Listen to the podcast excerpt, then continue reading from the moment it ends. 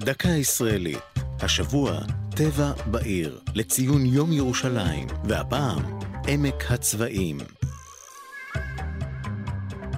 הצבי הוא אחד מסמליה הבולטים של ארץ ישראל, המכונה בתנ"ך ארץ הצבי. ומה סמלי יותר מלמצוא בלב הבירה, בין שכונות מגורים וכבישים סוענים, עדר צבאים בטבע. עד 1993 חיו כ-30 צבאים בעמק תרשי, סמוך לקיבוץ רמת רחל.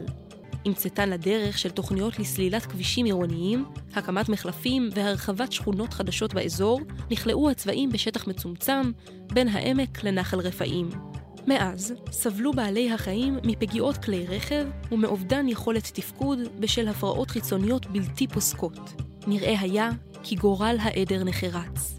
אנשי סניף החברה להגנת הטבע בירושלים, ארגוני סביבה ותושבי העיר התגייסו למערכה למען הצבאים, ולראשונה בארץ הוגשה התנגדות לתוכנית בשמם של בעלי חיים.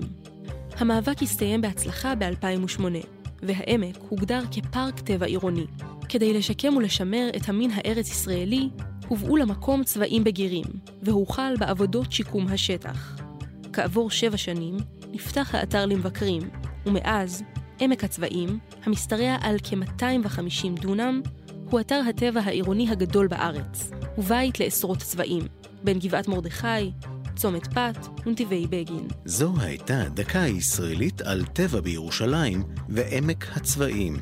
כתבה אופק רוזנטל, ייעוץ ספי בן יוסף, עורך ליאור פרידמן.